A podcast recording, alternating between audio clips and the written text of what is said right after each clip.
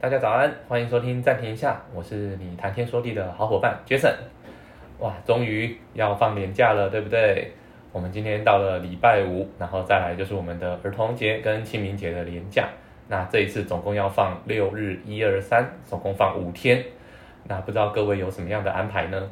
我自己知道是我有蛮多的朋友好像都要出国的，因为我刚好有一位朋友他在四月五号的时候生日，对他就是在清明节当天生日。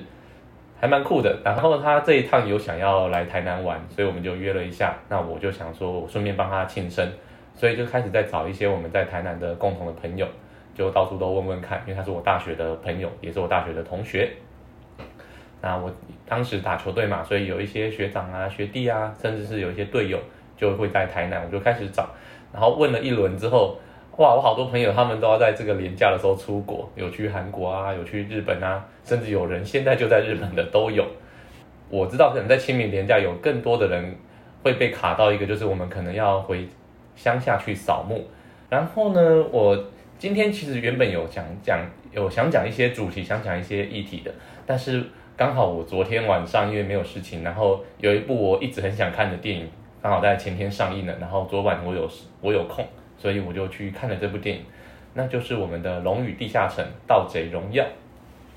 那因为它刚刚上映没有很久哦，所以我不要在这边讲太多它关于剧情的内容，我怕爆雷啦，怕爆太多事情，让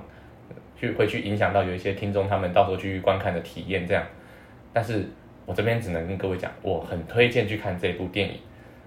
呃，主要是因为我自己，我虽然没有玩过桌游版的《龙与地下城》。但是因为我玩过的一个系列的游戏叫做《博德之门》，呃，可能要老一点的玩家，因为它即便是以我的年代来讲，它都算是很老的游戏了，就是它的那个像素感啊、颗粒感非常的重。但是它当时让我在我高一高二的时候，其实蛮着迷这款游戏的，因为它里面的一些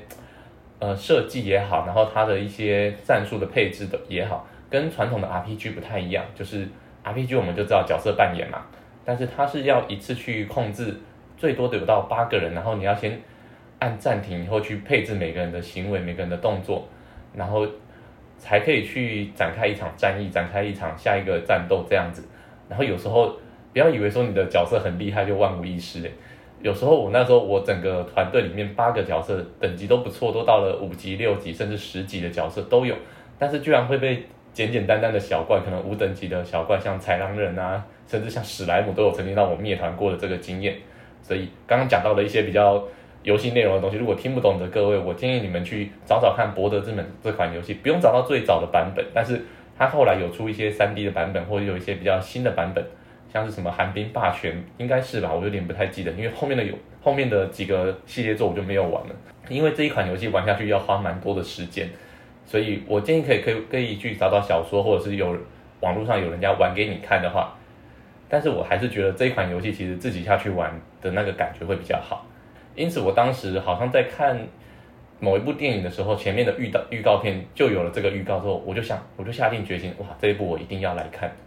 那果然看了之后，哎，没有让我失望，因为即便是你完全没有听过《龙与地下城》，甚至你也没有玩过类似的游戏的系列。也不影响你的观赏体验，因为它里面就等于说你把它当成是一个全新的奇幻电影的系列做来看的话，其实也是蛮不错的。就像我当时看《魔戒》的时候，我是从第二集开始看，就是我们的双城奇梦。那时候我根本不知道《魔戒》是什么东西，我连小说也没看过，我连一些资料，那个时候要找资料不像现在这么方便，网络上打进去就有了。当时还是拨接网络的时代，我就只是在朋友家，然后跟着他的家人看了一款《魔戒》的第二集，而且还不是从一开始看。是从大概中间的时候，从圣盔谷战役的那个时候开始看，就让我觉得哇，这个场面好惊艳。然后第三集的时候，我就赶快约了朋友，我们一定要去电影院看，因为我一直记得一年前我在家用电视看到的那一种感觉，那一种哇，令我非常着迷的感觉。所以第三集的时候，我就赶快去电影院看，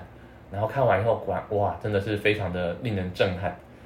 只是。有一个缺憾，就是说我先看了第二集的后半，再直接看了第三集。当然有一些角色连接上比较没有那么深，甚至我不太了解他们的前因后果，所以我就回去看第一集。但是如果说这三部曲都有看过的人会知道说，第一集其实比较没有这种大场面，因为第一集主要是在讲魔界远征军怎么样去促成，然后为什么要去进行这个长征，所以第一集没有什么战争的大场面，比较少。最后好像我记得是结束在一个森林里面吧，因为他们被强兽人的的大军冲散了，他们的队伍就变成了兵分三路嘛，从开始走了三个剧情。那战争场面是第二集才出现的，那到了第三集，让我鸡皮疙瘩的是，呃，我们的西方人类的组成，我们叫刚铎，他们呃应该是刚铎吧，我不太记得是不是这样念，就是被半兽人被我们的魔多大军攻击，然后甚至已经被进入到他们的中央的主城区的时候，我们的洛汉的援军来了，然后我们的洛汉王，我们的标记王在鼓舞他们的士气时候的那一段。哇，让我整个起鸡皮疙瘩，而且又是在电影院里面用那种大音响，然后大画面的时候，最后他们冲下来要冲入战场的那一幕，简直就是让我应该可以算是我人生里面少数震撼的画面。因为后来的电影其实我觉得很难去表现出这样的感觉，即便说你有 IMAX 或者你有一些 3D 的的动的那个电影动画，可是我都觉得我好像在后来的这十几二十年。已经没有办法再去回到当时看到的那种感动。我也是从那个时候开始变成了一个小小的电影迷，但是我迷的倒也不是说每一部戏剧的剧情或者什么，而是我好喜欢在电影院里面那一种声光的效果也好啊，还有那一种你在那两个小时之内，反正你也就是在看电影，你完全不需要去想别的事情，你就是专心的投射、专心的观赏这部电影的那个感觉，好像可以完全放空，然后可以完全融入在剧情里面。有点有点像是说，我们诶啊，应该这样讲，不太像是说我可以透过电脑的 Netflix 或者是呃 Disney Plus，随时随地可以看到一个影集，但是这个就让我有一种感觉，就是我随时随地看得到一个影集，但也代表说我可以随时随地暂停，然后去做点别的事情，好像没有办法很专心的在欣赏这一部电视剧或者是欣赏这一部电影。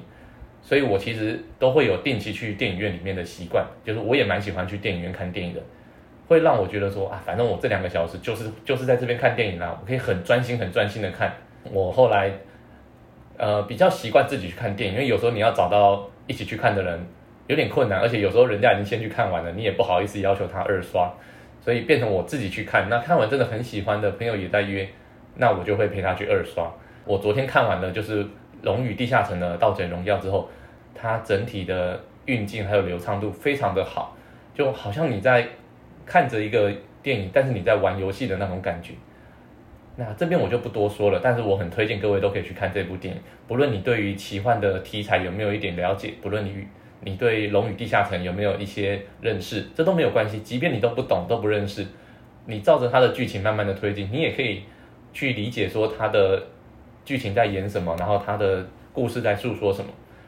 如果说你知道一些，你有知道这款游戏的一些系列作，你玩过，那你有知道这些知识的话，那里面很多的编排呢是会让你去会心一笑，甚至是你会看到说哇，我好熟悉的名字就在里面出现了，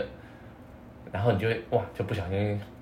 面露微笑，觉得说哇，我跟这部戏又有了一些更深的连结，好不好？我们的《盗贼荣耀》，我推荐各位去看。哇，不小心电影一讲讲了快十几分钟，好，没关系，我后面我的速度加快一点。我昨天看完电影之后，我早上在盥洗的时候，我就在想说，嗯，我今天要讲的内容是什么？就想到电影，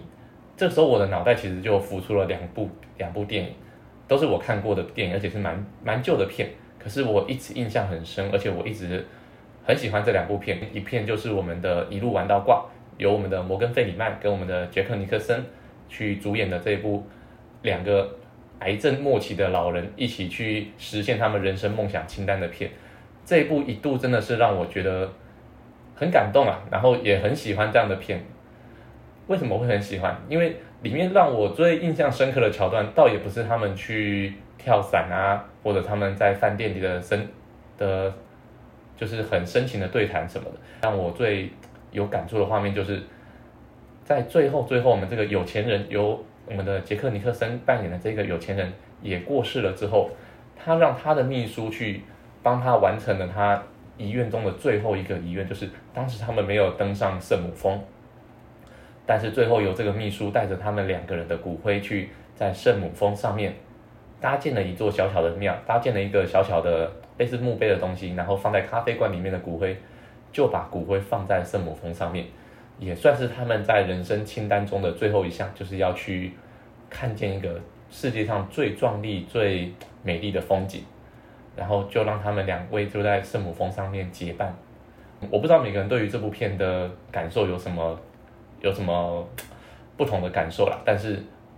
它是一部让我不不论在什么时候回去看，什么年纪回去看，都可以有另外有感触的一部片，好吧？建议各位如果有空的话，可以把这部片也找回来再看一下，再回味一下，应该会有不同的感受。那第二部就是我们的威尔史密斯演的，叫做《当幸福来敲门》。这部片里面其实蛮让我感慨的画面，其实蛮多的，但是因为现在时间不够，我觉得我跟各位分享一下我在里面我最喜欢的。一幕就是我们威尔史密斯饰演的这个爸爸跟他的小孩，就是他本人的小孩，叫杰登史密斯饰演的这个小孩，他们在篮球场的一段对话。他这段对话至今到现在都还留在我的记事本里面。当时我们威尔史密斯饰演的这个爸爸他说：“不要让任何人告诉你做不到，你的未来你要由你自己去争取。”光是这简单的几个字，呃，应该不是这样讲的，但是。大意就是这样，他要他的儿子去相信自己，不要被现实不要被现实击倒，让他的儿子去做他真正想做，然后以及他天分所在的地方，不要因为别人说你不可以，或者别人说你应该如何，就扼杀了你自己的想法，或者是你自己未来的道路。那这一段话至今都留在我的记事本当中。有时候我觉得我好像生活遇到了困难啊，或者是我在生活中遇到了挚爱的时候。我就会把它拿出来看一看。那尽管说生活上有很多现实层面的客观因素会去阻碍我自己，会去钳制住我的想法，但是看着这段话的时候，我好像又回到了当时那一个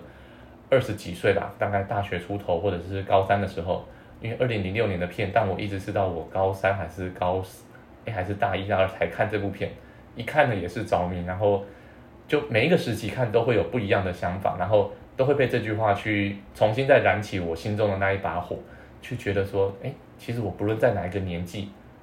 我都有可以相信自己的能力。那我也希望可以把这件事情带给各位听众。所以有空的话，一路玩到逛，然后当幸福来敲门这两部片，我即便是老片了，但我还是很推荐大家在有空的时候，然后不同的生命的时机去找出来看一看。搞不好你会有不一样的想法或不一样的体悟。好，那我们今天暂停一下，我们的录音就到这边，我们下一次见喽，拜拜。